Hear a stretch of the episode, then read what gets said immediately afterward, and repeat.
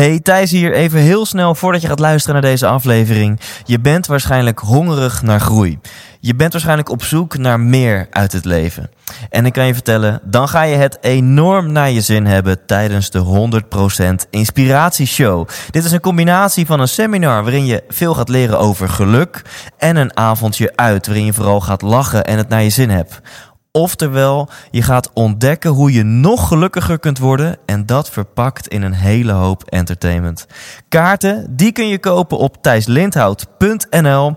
Alle vorige shows waren volledig uitverkocht, dus als ik jou was, zou ik er snel bij zijn. Heb je zin in een avond uit, vol inspiratie? Neem je partner, je collega's, je vrienden en vriendinnen mee en koop nu je tickets op thijslindhout.nl. Mijn naam is Sidney Brouwer en je luistert naar de 100% Inspiratie Podcast.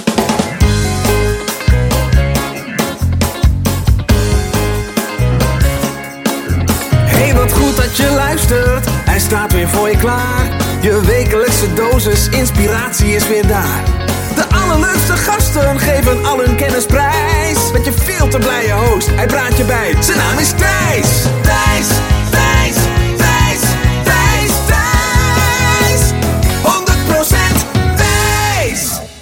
Ja, je bent beland bij Zomerspecial 4 van de 4. Mocht je dat nog niet hebben gedaan, check even thijslindhout.nl slash zomer. Want daar vind je informatie over alle gasten, over Mark, over Damian, over Laura en ook over de enige echte Sydney Brouwer. Ja, ja, je ziet wellicht al aan eh, het tijdpad tijd logo, tijd dingetje van deze podcast. Dat hij ietsjes langer duurt dan de andere. We zijn uh, tegen het uur aangegaan. Terwijl de richttijd was zo'n 13 tot 15 minuten. Maar ja, dat gebeurt er denk ik als je Sydney en mij in één ruimte zet. En ik zal er niet te veel over uitwijken. Ben je benieuwd waar Sydney en ik elkaar van kennen? Google eventjes op Rocking Up Live. Dat bestaat helaas niet meer. Uh, niet meer in het echt, maar nog wel uh, op internet. Dus als je googelt op Rocking Up Live, dan vind je wat fratsen die Sydney en ik hebben uitgehaald. een paar jaar geleden. Wat trouwens echt super leuk was. Um, dit interview loopt compleet uit de hand. Wat, je, uh, nu al, uh, wat ik nu al verklap, wat je nu al kan zien. Maar niet zonder reden. Want wat ik heel mooi vind aan Sydney is dat hij heeft een verhaal waar denk ik heel veel mensen zich mee kunnen identificeren. En misschien jij wel, of misschien wel mensen in jouw omgeving. Want hij heeft een studie gedaan, hij heeft rechten gestudeerd. Dat was niet 100% zijn passie. En daarna was hij mid 20 en stond hij soort van met met lege handen of, of met, met, met grote guppy-ogen de wereld in te kijken. Van ja, wat nu? Ik weet eigenlijk niet zo goed wat ik wil, waar ik naartoe moet. Uh, ik moet toch ook echt geld verdienen. En hij heeft het op een hele mooie manier aangepakt. Hij heeft ook gewoon baantjes gedaan puur voor het geld. En ondertussen is hij ook stapjes gaan zetten in de richting van zijn grotere droom. droom en met name ook in de richting van het ontdekken wat die grotere droom nou überhaupt is. Nou, ik wil niet veel meer verklappen. Ik wil je vooral nieuwsgierig maken. Want ik denk dat jij en in elk geval heel veel mensen zich hiermee wel kunnen identificeren. En hoe hij dat aanpakt, daar heb ik gewoon heel veel bewondering voor. Want toen hij eenmaal zijn droom heeft gevonden, heeft hij er echt binnen extreem korte tijd voor gezorgd dat hij de in Nederland op zijn vakgebied is geworden. Op dit moment verdient hij zijn geld met iets waar hij enorm trots op is. Met iets waar hij enorm gepassioneerd en ambitieus over is.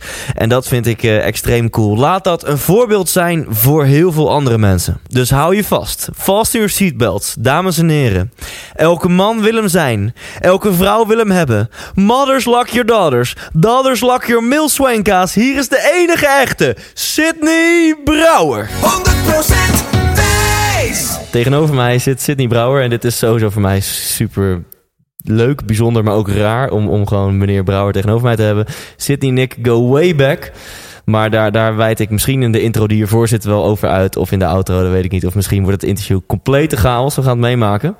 Maar Sydney, Thijs. mag ik jou wat vragen? Zeker. Wat wil je worden als je later groot bent? Uh, nijlpaard. nu al. Nee. nee. En, en um, stel dat dat niet lukt, wat zou je dan willen worden? Please elaborate. um, wat ik later wil worden is... Um, ik vind eigenlijk best wel een moeilijke vraag. Um, wat ik wil worden is bekend op mijn vakgebied.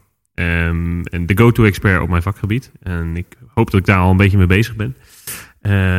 En ik wil gewoon ontzettend goed worden op het podium om mensen mee te krijgen met de passie, met de energie die ik voel voor wat ik doe, klantbeleving.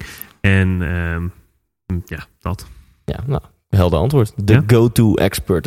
En dat houdt dus eigenlijk in dat als mensen in Nederland denken aan wie moeten wij hebben op het gebied van, van klantbeleving, Dat- dan is dat Sidney Brouwer. Ja. Ja. Ik vind wel eigenlijk dat alle andere gasten in jouw podcast, die geven wel echt een veel leuk antwoord. En dan kom ik met dit. Ja, nou ja, misschien moet je eens beginnen. Daar hebben we het er gisteren ook kort over gehad. Met misschien een nog sexier woord bedenken voor klantbeleving, customer experience. Misschien ik wel moeten zeggen eh, politieagent.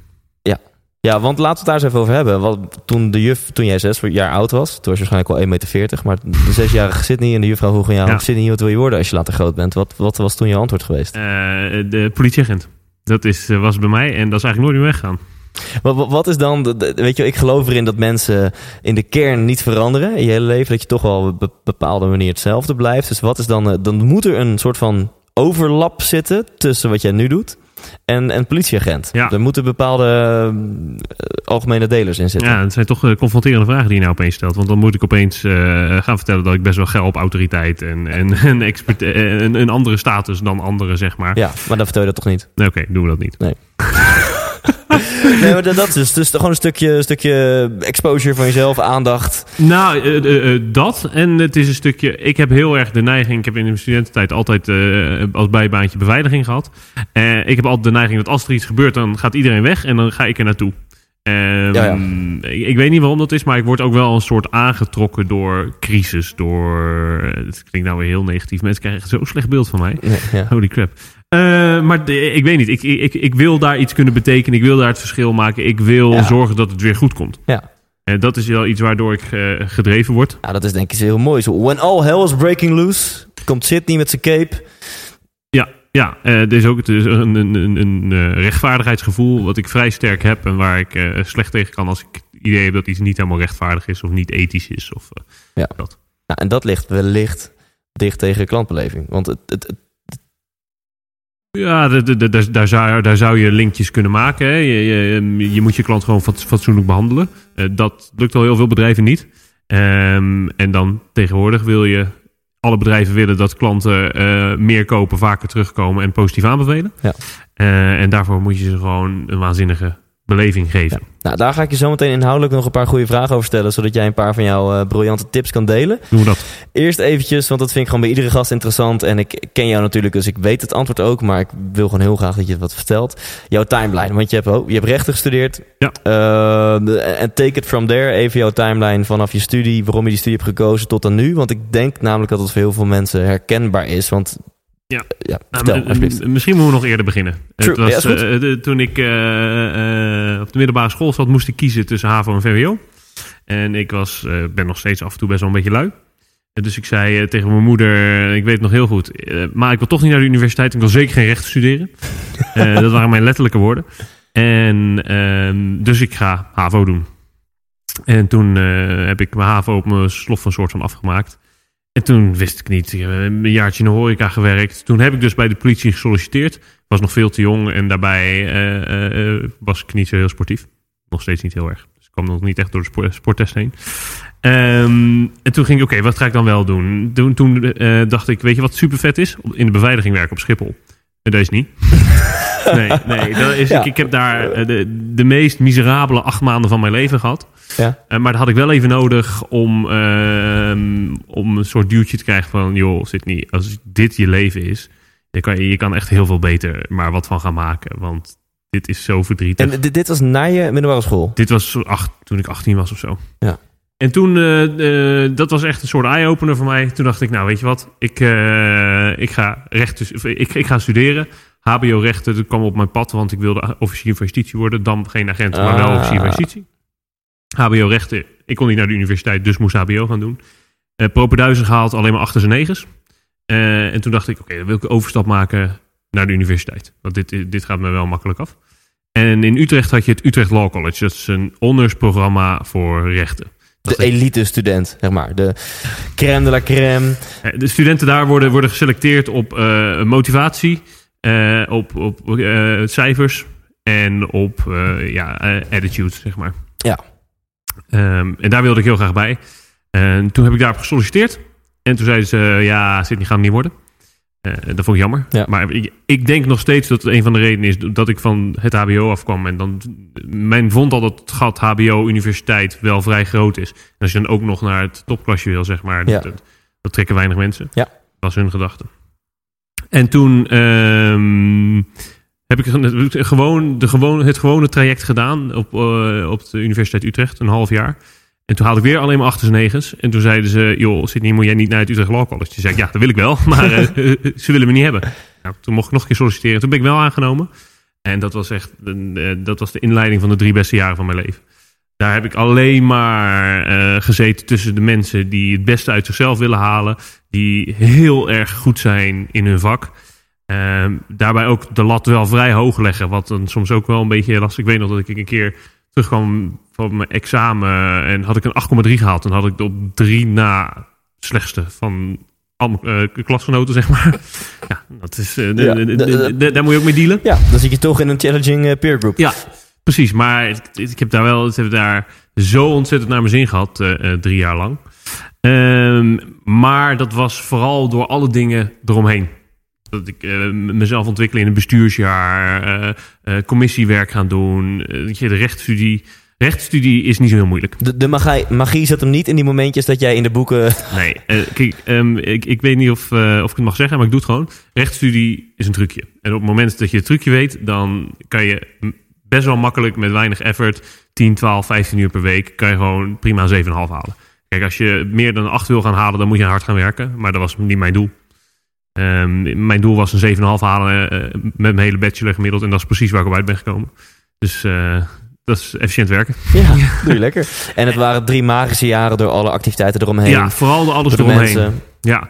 En eh, toen heb ik mijn bachelor afgemaakt. Toen ben ik wel een master begonnen. En toen, maar toen vielen alles dingen on the side vielen weg. En mijn, mijn, mijn studievereniging hield op. Omdat het alleen voor de bachelor was. Ja. Law College hield op. Mensen werden allemaal verspreid door het hele land. Toen dacht ik, ja, nu blijft alleen het juridische maar over. En dat is kut.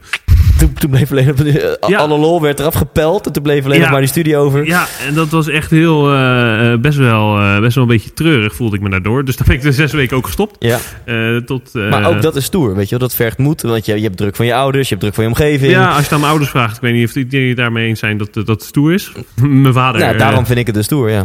Ja, maar ik dacht, ja, hier ga ik zo ongelukkig van worden. En ik weet nu al dat ik er niks mee ga doen. Want het is helemaal niet waar ik energie van krijg. Ehm, dus eh som van mijn tijd. En dat is wel iets wat in mij zit. Ik kan heel moeilijk dingen doen waar ik niet achter sta. En dat zei ik net ook al. Als, als ik iets niet vind kloppen of niet ethisch vind... dan kan ik me daar heel moeilijk wel mee bezighouden. Mijn omgeving ziet gelijk dat... Oh, dit gaat niet goed. Ja, Nee. Sydney is eerlijk. Nou ja, en de- Ja. soms tot het vervelende aan toe. Daar heb ik zelf ook last van. Ja. Want soms helpt een leugentje of eh, in elk geval de waarheid niet helemaal vertellen helpt wel eens. Ja. Maar eh, Nou, jij, kropt in elk geval niet heel veel op, denk ik. nee, nee, dat is ook wel waar. Ehm, en toen, ja, toen, precies, toen, toen- ben ik drie jaar lang gaan zoeken naar wat dan wel. Want, want je, je, je bachelor is als een jaartje of 223 of zo? Die ja, ik was iets ouder wel. Ik denk eh 4, 3, 24, zoiets. Ja, ja. Oké. En ehm, eh, toen ben ik op zoek gegaan naar wat dan wel. Ja. En dat eh, is best wel een zoektocht geweest naar... pff, ik heb eh, bij investeringsmaatschappij gewerkt. Ik heb bij eh start-ups gewerkt. Ik heb... Op, met je cv als bachelor in, in rechten? Of, of hadden die baantjes er niks mee te maken? Het is eigenlijk, is het, ik denk in de, als in de afgelopen vijf jaar drie keer naar mijn cv's gevraagd, is dat veel. Ja. Mensen zagen iets dat ik iets kon, dat ik een bepaalde energie had, dat ik een bepaald enthousiasme had over een bepaald gebied of over een onderwerp. En op, meestal ben ik daarop op gekozen. Ehm, en al die dingen, maar door al die avonturen kwam ik er vooral achter wat niet. Dit is niet, dit past niet bij, de, niet, dit past niet bij mij. En soms kom je het dan eens tegen wat zegt, hé, hey, dat is hier is een element in wat goed wat, wat wel bij mij past. Zo kom ik erachter dat podium, dat ik ontzettend gaaf vind om presentaties te Ja. geven, om, om een groep enthousiast te maken. En hoe, daar kwam je achter omdat je gewoon alles aan het aanpakken was en van alles aan het doen was? Ja, Of- ik heb eh, ooit een keer dacht ik, ja, weet je, we, we- we, we moeten, dat was nog voordat wij het samen deden. Ja. Dacht ik, ja, we moeten een persoonlijk leiderschapsprogramma voor dat Utrecht Law College. En Ja. dat kan ik best gaan maken. Tof. En dus heb ik een presentatie gegeven voor het bestuur daar. Ja, en die mensen waren enthousiast. Nou, ik liep stuiterend naar buiten. Ja. Dacht ik, ja, maar dit is vet. Die- dit is een signaal. Hè? We noemen het ook wel energiekompas. Ja. Eh, hier krijg ik energie van. Hier word ik blij van. Andere mensen ook. Daar moet ik iets mee. En hoe, had jij dan kennis gemaakt met het... Want je noemt het woord persoonlijk leiderschap. Ja. Dat is een woord, hè, dat, dat, dat, dat, daar heb je kennis mee gemaakt op een of andere manier. Ja. Hoe, Waar komt dat vandaan? Eh, dat was denk ik nog tijdens mijn studie. Eh, mijn, mijn moeder is hier ook heel lang, al heel lang mee bezig. Dus ik heb dat wel maar van thuis mee, mee gekregen. Tony Robbins kende ik al heel lang. En op een gegeven moment deed ik een, ook een onderdeel van het onderzoeksprogramma dat ik deed. Was dat je naar het buitenland mocht om daar een cursus te doen. Ja. En toen dacht ik, hé, hey, maar ik kan naar Tony Robbins voor eh 800 euro. Want dat is normaal 800 of 1000 euro. En je mocht tot 1000 euro mocht je een cursus kiezen van de universiteit. Dus ik zei, ja, mag ik naar Tony? En zei, ja, is goed. Dus toen ben ik naar Tony gegaan. En dat was, eh, ehm, dat was gaaf. Maar de, mijn, de, grootste eye-opener was voor mij Remco. Ja, eh, Ja. wat is het? Inspiratiepodcast aflevering 2 of zo? 3? Hebben Eh, erover? eh, ja, eh, aflevering 3. Ja. Ja. Intens 3 van deze podcast. Remco Klaassen, onze gezamenlijke held. Waar wij ook, al, ook eh, voor het eerst eh, hebben gezien. Ja, laten we, we- gaan weg op de is te snel, maar laten we het daarna het ook zo hebben Ja, eh, eh, hoe zit het met de tijd? Want we, lopen volledig uit de Maar eh, ik, ik- kijk even naar mijn baas. Ja, we Nou, kunnen eh, door. Oké, nee, dat is goed. Ehm, waar was ik?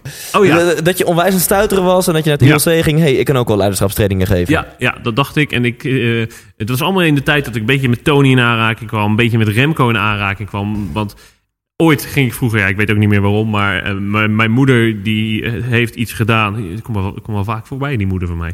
Ja. Anyway, toen ik 12 was, heeft ze ons meegenomen naar een Indianenkamp.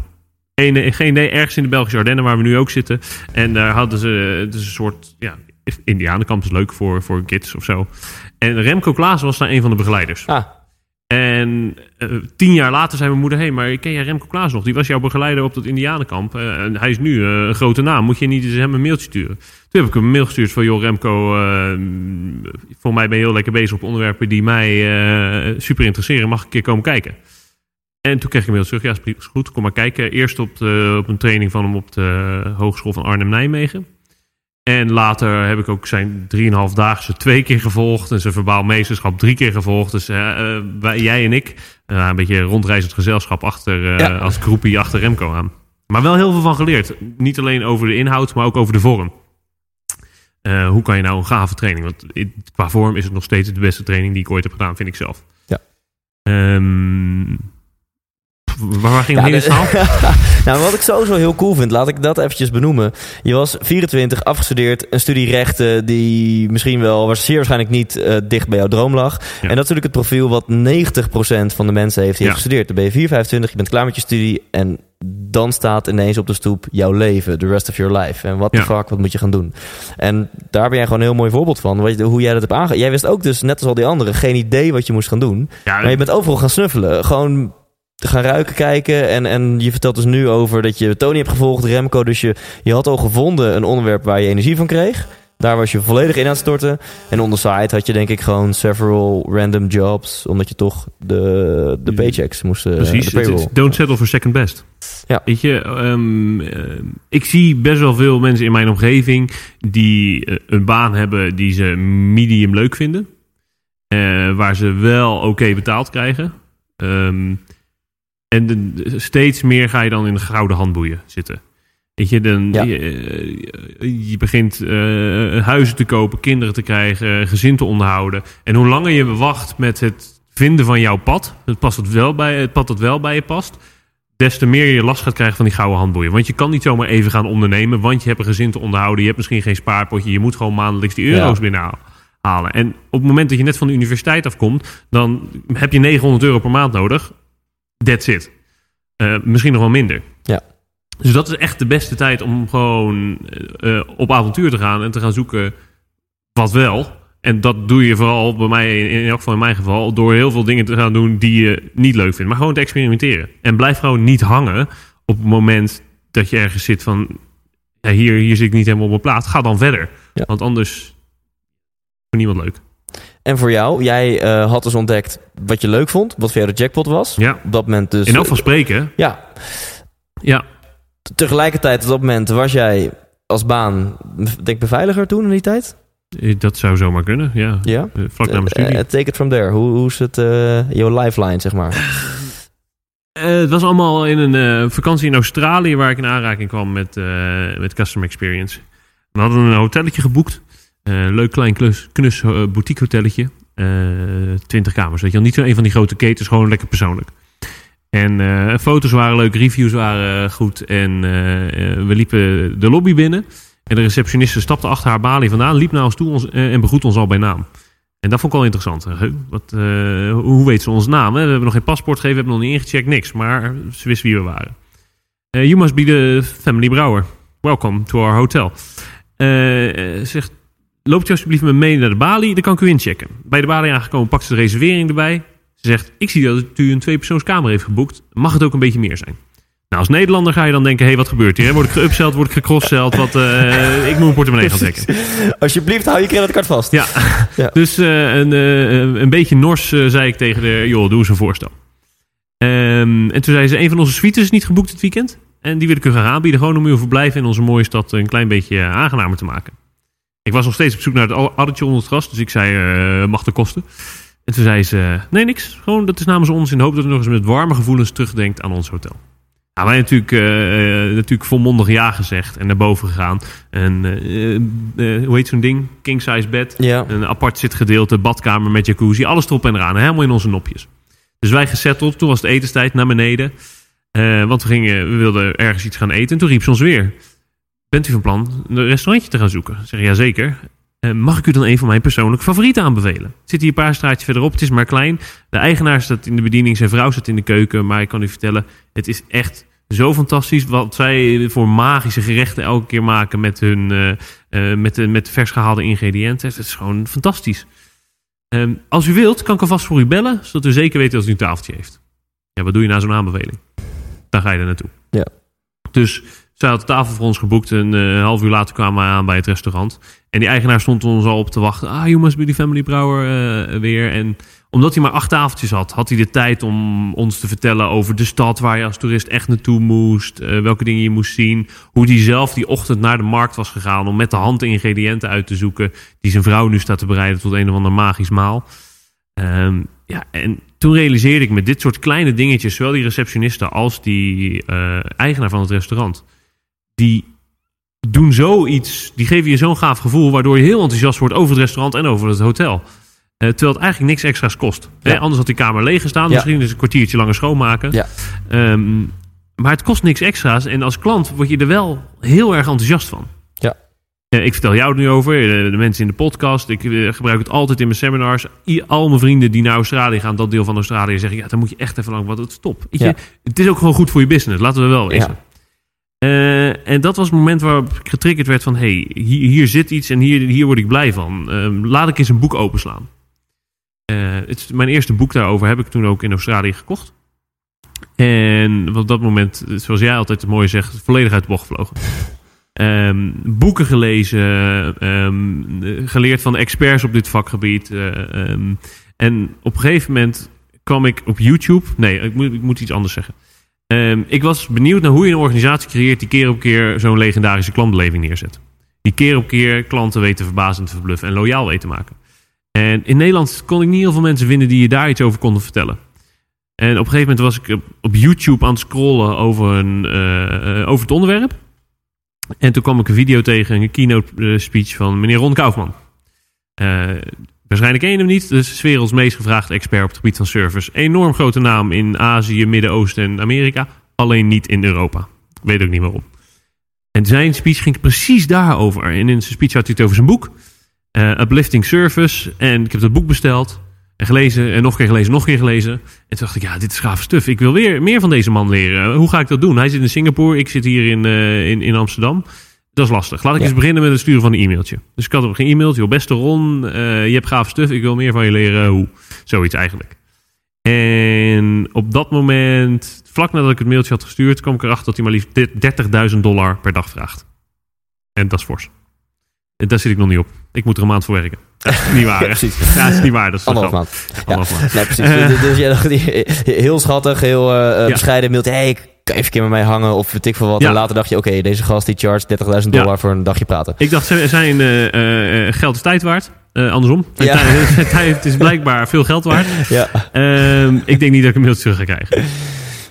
Volgende avond, mailtje terug van meneer Ron Kaufman. Hey Sydney, superleuk, gaaf mailtje. drie dingen. Eén, laten we morgenavond even skypen.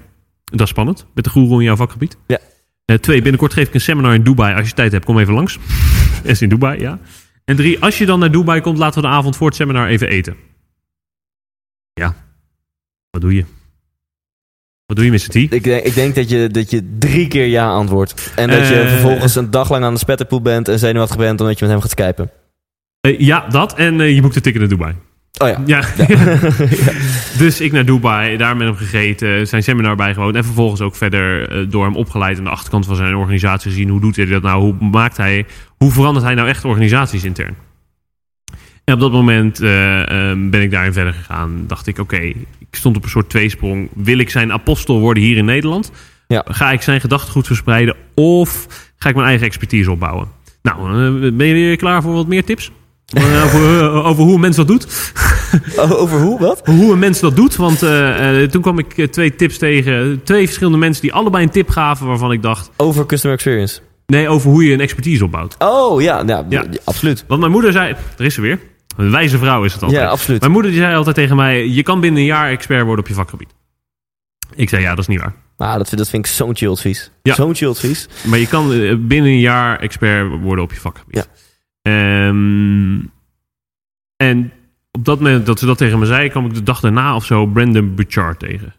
Jij kent Ik ben Brandon Butchar. Ja. Ja. En voor iedereen die luistert, die autoriteit wil worden, niet zeg maar in relatie op zich mag ook, maar dan moet je niet naar Brandon gaan. Maar als je autoriteit wil worden op jouw vakgebied, als jij de expert bent van weet ik veel wat en je wil autoriteit worden, de, de hoe noem jij dat mooi, de go-to go-to, go-to expert. De- ja. Dan moet je eh, Brandon Butchar eigenlijk gaan checken. Ja. En hij leert je hoe je in een jaar dat wordt. Ja. En Brandon zei, er zijn twee manieren waarop je expert eh, eh, kan worden. Je kan zelf tien jaar werken in een vakgebied en alles proberen wat er is. En Ja. gewoon heel veel ervaring op die Gewoon manier opdoen. maken. Ja. Of je kan onderzoek gaan doen naar mensen die het al gedaan hebben. die voorop lopen, de, de, de, de, de leiders op dat, op dat vak. En je kan van hun gaan leren. Ja.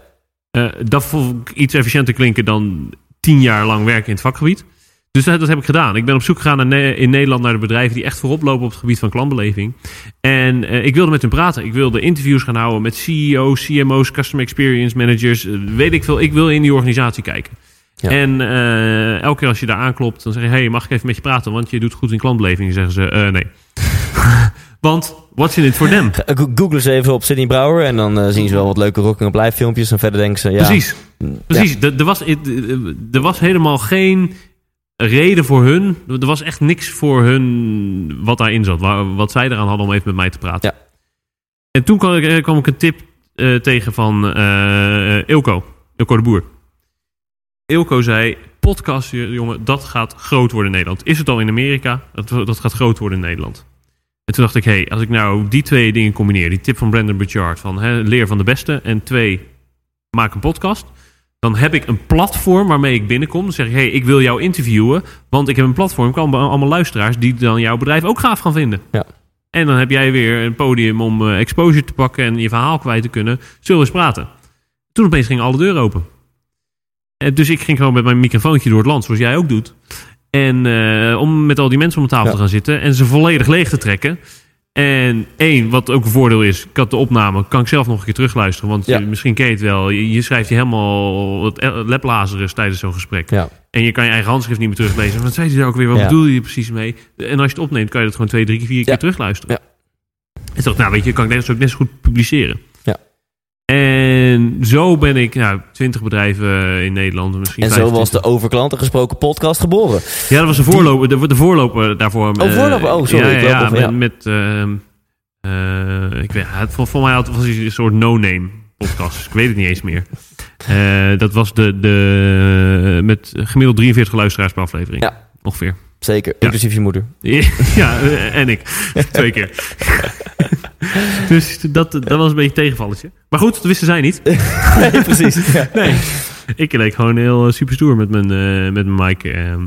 en toen dacht ik wel, ja, dit vind ik wel gaaf. Dit, dit heeft me, eh, even, dat moet wel gezegd worden. Het heeft me zo ontzettend veel gebracht, die podcast. Ja. Zoveel kansen heeft het naar mij toe eh, eh, gebracht. Ik heb het netwerk dat ik nu heb in klantbelevingland, heb ik daar aan te, denken, Ja. te danken. Ik mag gratis naar events waar ik weer veel leer. Het, is, het heeft mij zo ontzettend veel gebracht. Het is het beste ding wat ik eh, heb, heb kunnen doen. Ik kan misschien jij ook wel beamen. Ja, want je hebt het nu al wel net over de overklanten Ja, podcast. die, die, die, die eerste is En- daarin geëvalueerd. Precies. Ik dacht, het moet, Ja. moet professioneler, het moet beter, het moet op meer structurele basis. Absoluut. Ja. En toen eh, kwam over klanten Ja, gesproken. dus even een klein kort stukje promo, gewoon ongegeneerd. Als mensen dit horen, check de OKG podcast over klanten gesproken. Ook gewoon in de categorie zakelijk waar je deze in vindt. Jij post slechts één keer per maand, want jouw tijd is gewoon nog schaarser dan die van mij. Dus je moet, je moet echt gewoon weer 28 dagen wachten. Maar dan heb je weer een pareltje van Sydney Brouwer, de over klanten gesproken podcast. Zo, Toch? Check ook sydneybrouwer.nl. slash En, podcast. oh, slash podcast. sorry. Of sydneybrouwer.nl slash iTunes. Dan ga je gelijk naar de podcast door. Tip voor jou. Ehm, Voeg hem even toe op Facebook, LinkedIn, Twitter, Snapchat en Instagram. op LinkedIn, joh, ik eh, accepteer alles wat ademt. En nog warm is. Ja, eh, maar vind ik het wel leuk als je er een persoonlijk berichtje bij stuurt. Oké. Eh, moeten we nog ergens... als- Waar waren we ook alweer naar onderweg? De, de- je, je bent je pot. Nou, la- laat ik even gappen als, als host. Hè, Mo- moet ik af en toe eventjes eh, het publiek een beetje meenemen in wat er nou allemaal gebeurt. En Ja. wat ik hier nou zo mega inspirerend aan vind. Want Jos is op zoek naar wat. Wat drijft jou? En, en je laat nog allemaal dingen weg. Want anders wordt het echt een podcast van twee uur dit. Ja. Want je bent met mij een Rocking Up Live begonnen. Je bent allemaal dingen gaan doen. Maar ondertussen waren dat nog niet allemaal dingen die zoveel geld opleverden. Dat je, dat je dacht van zo, dat is veel geld. In, eh, sterker nog, je moest daarnaast gewoon werken. Nog gewoon Ja. ja. verschillende random baantjes gewoon nog om eh, de rekeningen te kunnen betalen. Maar jij was wel vol gas aan het gaan in een bepaalde richting die jou heel tof leek. Ja. Eh, en je, je, je stuurt gewoon een mail naar die Ron. Weet je, had je ook niet kunnen doen. En had je ook kunnen whinen van ja, het lukt me maar niet. En jij stuurt gewoon wel die mail. En je had ook geen podcast kunnen beginnen. Weet je, dus je bent wel gewoon volop gas aan het geven. Om ervoor te zorgen dat je met wat jij leuk vindt, waar je gepassioneerd over bent, dat je daar ook gewoon op korte termijn ook gewoon factuurtjes voor kan gaan versturen. Ja, en dat is het ook wel, weet je. Ehm, eh, om heel afgezaagd te zeggen, brutalen hebben de halve wereld. Maar er zijn 99 mensen die niet die mail sturen en eentje die het wel doet. En dan gaat er opeens een deur open. En natuurlijk heb ik ook wel eens een afwijzing gehad. Maar mijn kennismaking met Remco was door een mail. Ja. Mijn kennismaking met Klaassen, eh, sorry, dat is dezelfde. eh, met, met, met Ron was, eh, was door een mail. En die mensen, ondanks dat je ze in je hoofd op een soort voetstuk plaatst, zijn ze heel, heel benaderbaar. Ja. Ehm, dus, dat, dus dat is eigenlijk he- heel leuk om te weten. Ehm, en om iets mee te doen ook, ga, doe het gewoon. Trek die broek Ja. aan en je stoute broek en gewoon knallen. Ehm, en dat heeft, ja, dat heeft me ook weer eh, allemaal andere dingen gebracht. Eh, Hoe wij elkaar hebben leren kennen op een seminar van Remco. Toen had ik al twee keer iets van Remco gedaan. En toen hadden ze een verbaal meesterschap ook weer in een hotel, hè, geloof ik. Ja. En toen heb ik, hebben ze me drie keer gevraagd... joh, Sydney, wil je daarheen komen? Want het is echt wel wat voor jou. En toen heb ik drie keer gezegd nee... want ik was die maand ervoor al een keer naar Remco eh, geweest. Veel geld voor neergelegd. En ik had het gewoon even niet als student. Ja. Op een gegeven moment belden ze een vierde keer op... zei, joh, Sydney, eh, ik denk echt dat het voor jou is... doe het voor kostprijs. Hier, eh, 150 euro en dan ben je er een dag bij. Nou, dat was de mooiste dag van mijn leven. Want toen, eh Thijs Lindhout, toen eh, kom ik jou tegen. Dat was eh, eh, liefde op het eerste gezicht. Jongen, jongen, jongen. Misschien moet ik hier het muziekje onder plakken. We keken elkaar diep in de ogen aan. Ik zag die, die puppybruine ogen van Sidney Brouwer. Ja. ja. Eh, zijn haren wapperden als een ware Hans Klok. Ja. We rennen elkaar af, sloot elkaar in de armen. Dat, Sidney greep naar mijn linkerbil. En, dat is ehm, mooi, gedenkwaardig. och. Maar soms, soms helpt het lot je een klein beetje met, met dingen. Ja. En dat, dat is ook wel fijn. En ehm, om maar even de jaartallen erbij te noemen. Het was dus, denk ik, eind 2000, ja, ik weet wel zeker. Het was eind 2014. We hadden eigenlijk net besloten. We hadden allebei hadden we gewoon andere dingen waarmee we ons geld verdienden. Ja. En samen deden we Rocking Up Live, wat, wat toen onze grootste passie was. En toen hadden we besloten, eind 2014, Rocking Up Live gaat we niet worden. Om Ja. verschillende redenen. We gaan allebei op ons eigen ding focussen. Ja. En toen kwam jij erachter, eind 2014, nou, mijn ding is klantbeleving. Toen ben je dus vol gas gegaan met Ron Kaufman. Want Dubai is denk ik ook eind 2014, begin 2015. Ja, het is, denk, ik denk dat je allemaal een jaartje achterloopt. Dus de- allemaal een jaar, een jaar, eh, een jaar eerder. Dus Eind denk- 2013? Ja. Ja, oké. Ja, klopt echt? Nou, in elk geval, wat ik heel goed weet, is dat jij er ongeveer zes maanden over hebt gedaan om gewoon je geld mee te kunnen verdienen. Om ervoor te in, in zorgen- elk geval te beginnen er geld mee te verdienen. Dus, dus vanaf het punt dat jij dacht, oké, ik heb een passie, maar ik heb er 0,0 eh, de kennis op dit gebied. Ik heb alleen een passie. Ben jij je gaan inlezen, ben je dingen gaan doen en binnen een half jaar kon jij je factuurtje sturen omdat mensen jou wilden betalen Ja. om een keynote speech hierover te komen geven. Ja, en dat is, eh, dit is ook wel een deel fake it till you make it. Eh knal gewoon een website online waarop staat dat jij een expert bent op het gebied en dat je de presentaties over geeft. En ik weet niet, ik weet nog steeds niet waar mijn eerste presentatie vandaan kwam. Dat was in, in Alphen aan de Rijn eh, bij iets. En ik, ik, ik heb god geen idee hoe dat op mijn pad kwam. Maar iemand belde me op en zei, joh, we hebben gehoord dat jij er een leuk verhaal over kan vertellen. Eh, wat kost dat? En eh, toen had ik met, met eh, zwetende handjes en klotsende oksels, zei ik, eh, 750 euro. en dat vond ik echt heel veel geld toen. En dat is natuurlijk, is natuurlijk ook heel veel geld voor wat 25 minuten praten moest ik doen. Ja. En toen zeiden ze ja. Nou, toen was ik al helemaal, helemaal in mijn nopjes. En toen was ik daar met de sprekers aan het praten. Met nog twee andere sprekers op dat event. En eh ik zei, ja, wat, eh, wat, levert het jullie nou op? En de, de- de- zeg maar de nummer twee, de laagste na mij, die kwam met, eh, geloof ik, eh, 2250 euro of zo. Had hij ervoor gevraagd. Toen dacht ik, oké, er zit nog iets wat rek in. En, toen, en toen, toen, toen maakte jij kennis met het concept eh, praten voor geld. Ja, dit is niet normaal. Ja, ja. ja. En dat, dat mag ik nu eh, nog steeds heel veel doen. En dat, dat vind ik echt zo Ja. leuk. Dat is, Ja. eh, ja. En, en ja, precies vast voor naar, nu- naar nu. Ik zat blijkbaar een jaartje mis, maar nu anderhalf jaar, twee jaar later. ehm, ben jij veel gevraagd spreker op dit gebied? Ja, ik zou ja, wekelijks bijna op Ja, podium. bijna een week op het podium. Niet meer voor die 750. Als je dit hoort en je denkt dat meneer Brouwer voor een uurtje eh, nog komt opdagen voor 750 euro, dan heb je het helemaal mis. Toch? Eh, eh, ja, ja, Ja, dat, is, dat ja. eh, ligt iets hoger nu. En dat, dat is gewoon heel tof om dat te zien. Dat is- Hoe je dat aan het doen bent. En vertel eens wat over je plannen. ik Wat heb er ga je- vannacht over gedroomd. Het is echt heel vreemd. Ik heb dus vannacht gedroomd dat ik echt een presentatie helemaal, helemaal heb verprutst. En daar word ik dus echt, dat vind ik dus, daar word ik dus echt wel een soort, nou, baat in twee is overdreven, maar daar word ik wel echt wakker. Doe je naar van, ja. Ik weet niet waarom, maar ik had het niet voorbereid. En er zat een zaal met denk 180 man of zo. En ik, eh, mijn PowerPoint deed niet. En, ah, paniek. En, nou ja. Ja. Ik weet niet waarom ik dit vertel, maar doe er wat mee. ik droom ook wel eens dat ik, me, dat ik mijn theatershow heb en dat ik het zo druk heb gehad met mijn andere bedrijven dat ik 0,00 voorbereiding heb en dat ik ineens voor die zaal sta en dat ik denk, oh kut, hoe begon ik ook weer? En dat ik Ja, dan, ja en dat, dat ja, was precies mijn droom vannacht. Ja, en ik, eh, shit, wat ging ik ook weer vertellen? En, eh, verschrikkelijk. Misschien moeten we, is dat toch dat we, we zijn natuurlijk elkaar gewend, dat we eh, kunnen vertrouwen op elkaar. Dat eh, met working up life bedoel ik. Ja. En dat, dat je nooit een blackout kan krijgen, dat die ander het gat opvult als je even moet schijten tijdens een presentatie, dat gewoon die ander even 20 minuten doorpraat. Dat soort dingen kunnen allemaal. ja, eh, hypothetisch. Hypothetisch, puur hypothetisch. Het is puur... Laat daar geen misverstand over ontstaan, mensen. Het is alleen voor ons leuk. Ehm, wat kunnen we in de toekomst van jou verwachten? Komt er een boek? Komt er... Kijk, een, een boek moet je sowieso schrijven. Op het moment dat je expertise op, op, op een gebied wil claimen, dan moet je, dat, eh, dan moet je daar een boek voor schrijven. Ehm, ik, wil, ik sta nu ook wel weer op een punt in mijn carrière waar ik nog niet heel veel in de podcast over eh, kan vertellen, maar waar wel weer een verandering gaat komen. Ehm, en hopelijk weer grotere stappen gaat maken Ja. richting, eh, richting dat doel waar ik echt heen wil. Sowieso 2016 was een, een jaar vol verandering. Eh, zakelijk, privé, eh, echt. Ja. Dus het is wel super interessant hoe dat, hoe dat gaat. En ik denk dat uiteindelijk er allemaal er beter van is geworden. Dus Ja. dat is ook wel mooi. Dat? Ik ga je nog een vraag stellen. Eh, omdat jij natuurlijk zowel op het gebied van customer experience als op het gebied van persoonlijk leiderschap een genie bent. Hè? Mensen noemen jou wel eens inspirerend. Mensen noemen je wel eens een meesterbrein. Ehm, eerst even over klantbeleving. Nummer één fout die bedrijven maken op het gebied van klantbeleving. Oh man. Ehm, ehm, ja, dat, dat kan ik wel iets over zeggen. We, we- we- we- ik werk voor BMW. We werken voor BMW.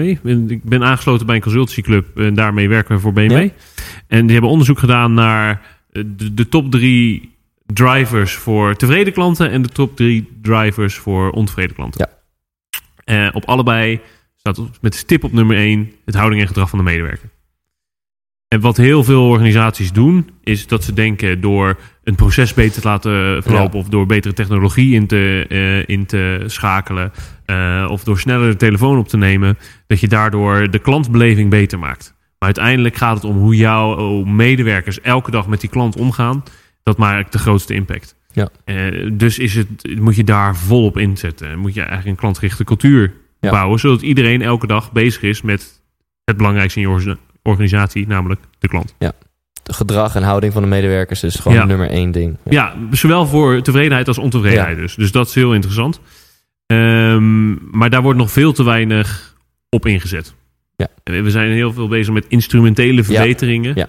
Eh, maar dat is uiteindelijk niet waar het om gaat. Het gaat Ja. om de eh, connectie tussen, Precies. eh, tussen twee mensen die het iets memorabel maakt. Nummer één tip om jou ervoor te zorgen dat jouw klanten... Laten we gewoon zeggen, hè, dat is natuurlijk nu de populaire term, fans. Je wil geen klanten, maar fans. Ja. Nummer één tip om, om fans te krijgen en Ja. niet klanten. Zoals jij bent fan van dat eh, hotel in Australië. Ja. Ehm, eh, ik zei altijd dat er vier dingen zijn die, die klanten belangrijk vinden.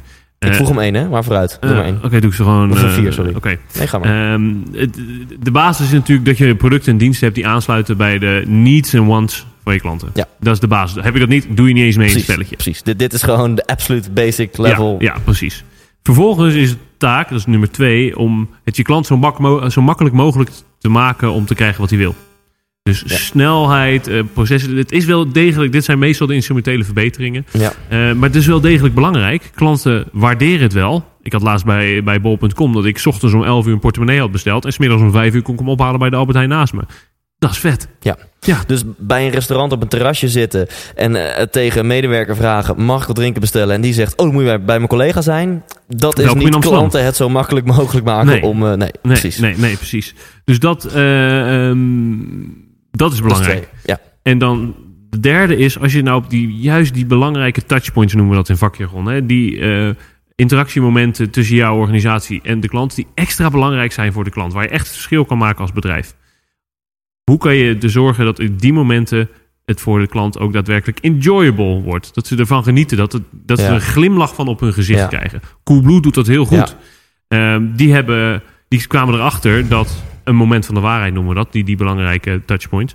Ehm, het moment van de waarheid, als je een wasmachine of een koelkast bij Coolblue bestelt, is als die afgeleverd wordt bij je aan de deur. Ja. Dan heb je eindelijk je nieuwe 700 euro kostende koelkast of wasmachine. En die wordt bij je afgeleverd. Maar wat gebeurde er? Ze hadden dat gedeelte uitbesteed aan een ander bedrijf. En die eh, zetten hem eh, voor je de, op, op de stoep neer. Er zei veel plezier Ja, mee. En die gingen weer weg. En Coolblue dacht, ja, maar dit moeten we niet doen.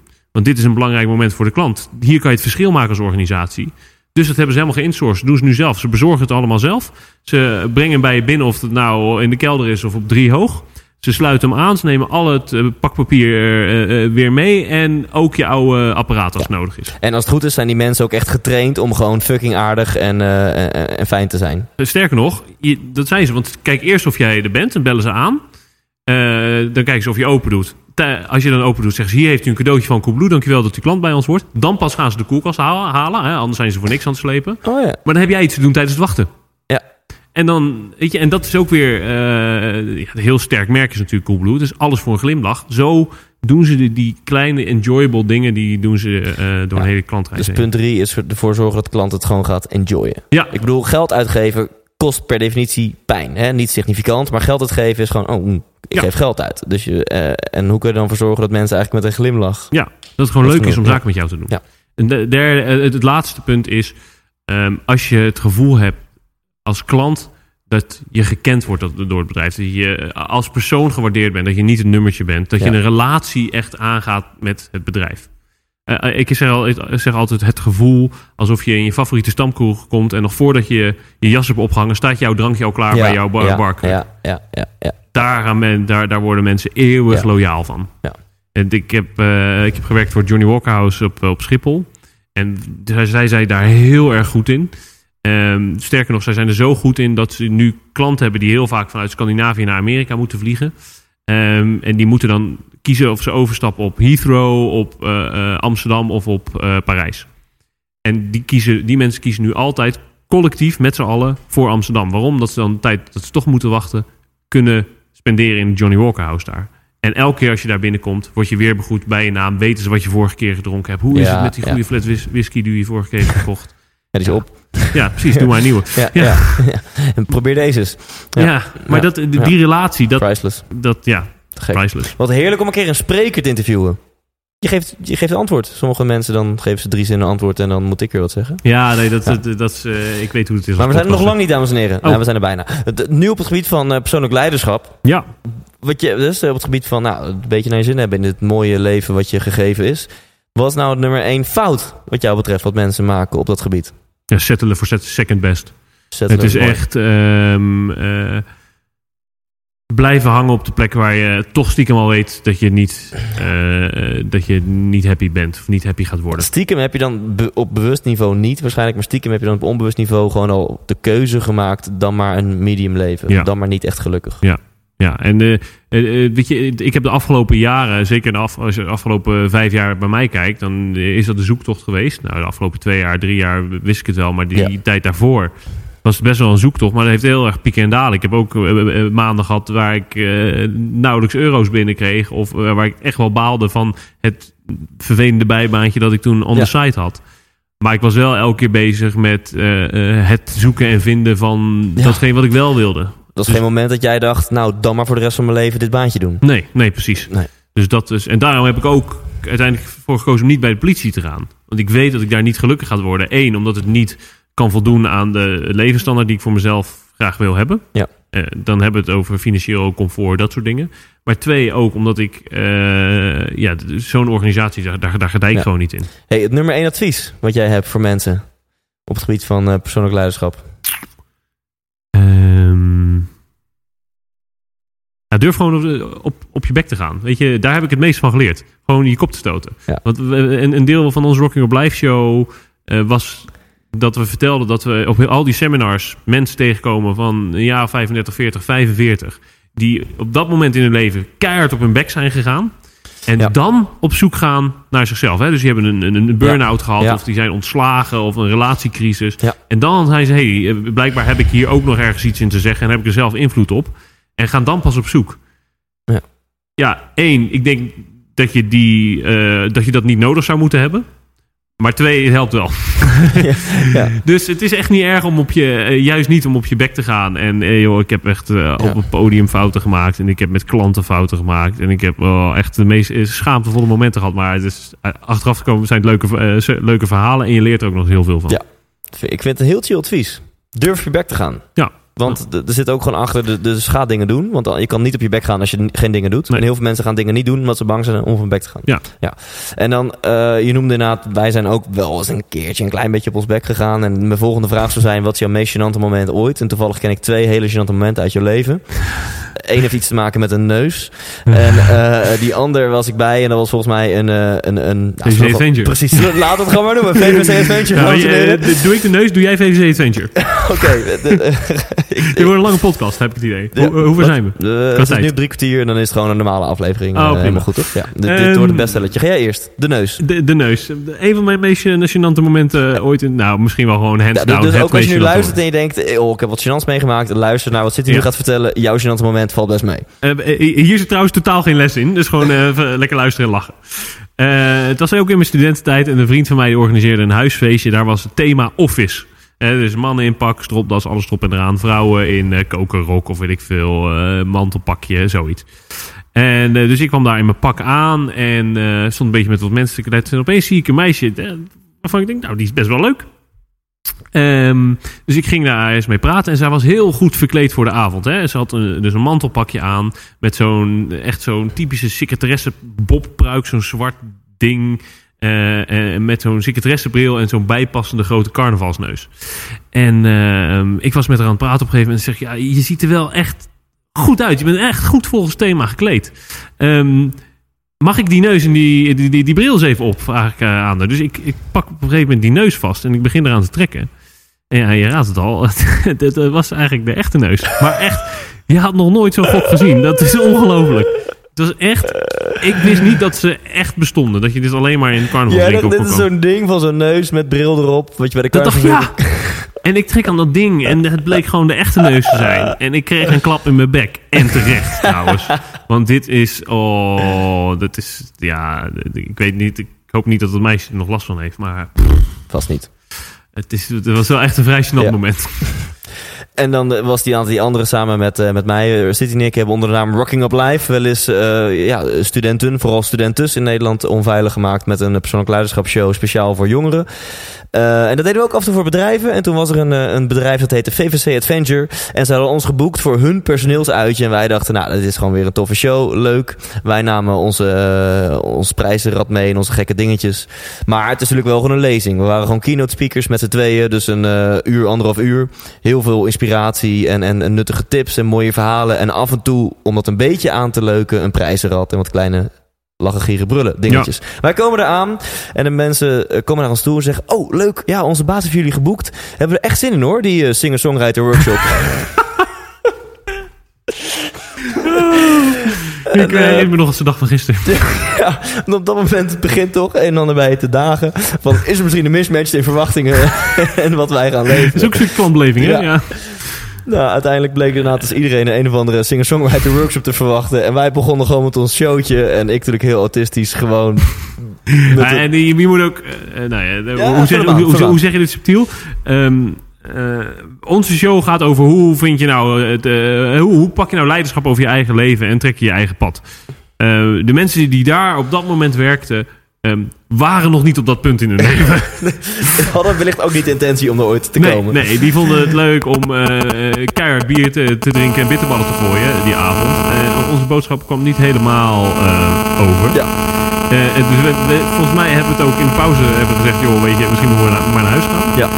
En toen heb ik nog één keer karaoke, zij gelooft in mij gedaan en toen zijn we met thuis verdwenen af. Ja. En als je zelf ook spreker bent, dan kan je dit wellicht... Oh, wacht, ik word nu ook gebeld en ik zie dat er een... Sorry mensen, ik werd even gebeld en ik zie ook in mijn schermpje dat er een mega ruis door afgelopen minuut zat. Maar dat Oh. horen ze doorheen, niks aan de hand. Eh, wat zou ik zeggen? Oh ja, als je spreker bent, dan kan je denk ik voorstellen dat je in de pauze van jouw speech eh, met elkaar gaat overleggen van ja, zullen we maar gewoon spullen pakken en gaan. Dat is, dat, Dat is- dat is niet dat, best. dat is diep. Nee. diep. Je voelt hem aankomen, Sydney. Wat is het slechtste advies dat jij ooit hebt gehad? Gehad, eh, ja, de, de, de- voor wie heb je deze vraag, man? Wat een kutvraag. Dat was ook de reden, dames en heren, dat ik zo moet lachen. Sydney heeft mij geadviseerd om deze vraag in mijn Ja. podcast te doen. Het is echt een hele slechte vraag.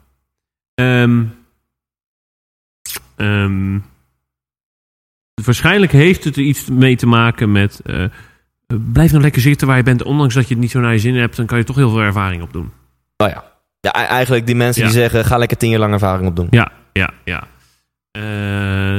Dit- hm. hey, Dat- welke vraag had ik moeten stellen? Maar heb ik niet gesteld. Wat een goede vraag. Dank je. Thijs, jongen, jongen. Dit is een echt professionele podcaster. Ik blijf mezelf verbeteren. Ja. Ehm, hoe mensen ons kunnen helpen met uh, Rock Up Christmas. Vind ik een hele, hele, hele goeie. Ja, ja. Rock Up Christmas 2016, dames en heren. Google het ook even.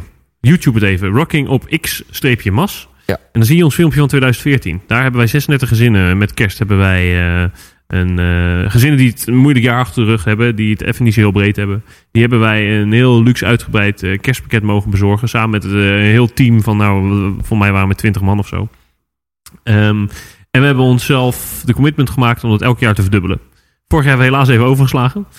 Uh, maar het betekent wel dat we nu dit jaar een commitment hebben gemaakt om 120 gezinnen in verschillende steden uh, ja, ook zo'n kerstpakket weer te gaan bezorgen. Ja. En dit weekend waar we hier zijn nu in de Ardennen, hebben we dit idee hebben we ook voorgelegd aan alle andere ondernemers die er zijn. En er zijn al mensen die hebben zich gewoon vastgelegd voor de helft van het aantal Ja, pakketten om dat te sponsoren. Echt fantastisch. Maar we, we, we hebben op veel meer manieren hulp nodig. Uh, uh, ja, financieel wil jij een, een, een, een pakket sponsoren aan een gezin die het nodig heeft. Uh, stuur een mailtje naar Thijs at thijslindhout.nl thijs.thijslindhout.nl um, Maar ook mensen die op de avond zelf uh, met een auto en een teamlid uh, die pakketten willen rondbrengen. Um, dus wil je hier aan meedoen, thijs.thijslindhout.nl Want ook dit gaat weer een, uh, nou ik wil geen zeggen, niet zeggen een feest worden, maar wel een bijzonder, een bijzonder ding. Ja, weet je, geven is het leven. Uh, het, het, is echt, het is heel mooi om met je eigen leven bezig te zijn, om daar iets kick-ass van te maken. En het is nog mooier om dingen te geven en onvoorwaardelijk te geven en reacties te zien. En, uh, dus vind je het een tof idee? Vind jij het leuk? Uh, een leuk initiatief dat wij met kerst, met luxe kerstpakketten rond wat, wat ja, ja, wat minder rijke gezinnen gaan. Hoe moet je dat zeggen? Ja, ja. gewoon, ja, precies. Gewoon mensen die het moeilijk hebben. Die, die, laat zeggen, mensen die afhankelijk zijn van de voedselbank. Ja. En, en um, die, die het gewoon heel zwaar hebben. Vind je het een leuk initiatief? Wij zoeken drie, eigenlijk drie dingen. Eén, een stagiair. Dus vind je Ja. het leuk met te organiseren? Uh, het is echt best wel een project. Want 120 huizen met logistiek, met deals, met supermarkten, met alles. Ja. Echt, het is een gave stage. Vanaf september hebben we je nodig. Plus, je, je maakt gewoon, je hebt gewoon dagelijks te maken met Sidney Brouwer en Thijs Lindhout. En dat zijn natuurlijk wel. Oeh. Dus één, we zoeken een stagiair. Twee, we zoeken tijd. Dus vind je het leuk om op de desbetreffende avond, dat is waarschijnlijk 22 uh, december, Ja. uh, heb je zin om dan rond te rijden. Uh, dan zijn we ook op zoek naar jou. En we zijn op zoek naar geld. Dus uh, als je een van die drie bent, kent, hebt, weet, weet ik veel wat, Thijs thijslindhout.nl en check even Rocking Up X Mus op YouTube en dan zie je wat we precies doen. Yes. Thijsje, Ja, ik, uh, het was mijn eer. Het was een grote eer. Waar, waar kunnen mensen meer over jou vinden? Sydneybrouwer.nl, eh SPBRW op Snapchat of eh, de podcast over klanten gesproken. Eh, al die dingen. LinkedIn, zoals ik al zei. Oké. Ehm, ik, vind, ik vind het superleuk. Ik hoop dat de luisteraar het ook leuk vindt. Maar Ja. ik vond, eh, wij hebben het weer naar ons in gehad. Ik, ik ga het op repeat zetten in mijn Ja. auto. Dankjewel, ouwe. stem. Dat was hem dan. We zijn aan het einde gekomen van de zomerspecials. Dit was zomerspecial 4 van de 4. Mocht dit naar meer smaken, je kunt Sydney Brouwer gewoon boeken voor astronomische tarieven. Als je even gaat naar sydneybrouwer.nl, dan kan je contact met hem persoonlijk opnemen. Ja, ja, hij doet gewoon nog persoonlijk zijn inbox. En dan kan je hem boeken voor een keynote speech over klanttevredenheid. Sterker nog, ik heb hem geboekt. Wij gaan hem binnenkort naar ons bedrijf halen om onze medewerkers wat eh, te leren en wat te inspireren op het gebied van klanttevredenheid. Ehm, dat was hem. Check sydneybrouwer.nl. Check thijslindhout.nl slash zomer. En komende week, volgende weken, staan er een paar inspirerende grote namen voor je klaar. Daar word je niet goed van. En daar ga ik lekker nog helemaal niks over zeggen. Voor nu mag je gewoon dit interview nog een keertje terugluisteren. Want dat is wat ik ga doen. Ik ben natuurlijk een beetje verliefd op Sydney Brouwer. Volgende week, wie er dan in de uitzending is, ga je gewoon checken. Maandagochtend staat hij voor je klaar. En tot die tijd, leef intens. Hey, wat leuk dat je hebt geluisterd naar deze aflevering. En als je het nog niet hebt gedaan, waar wacht je nog op? Ga nu naar thijslindhout.nl en koop je tickets voor de 100% Inspiratieshow. We gaan lachen, we gaan muziek maken en vooral gaan we samen op zoek naar geluk en succes. Neem je vrienden, je vriendinnen, je partner, je collega's mee. Koop nu je tickets op thijslindhout.nl.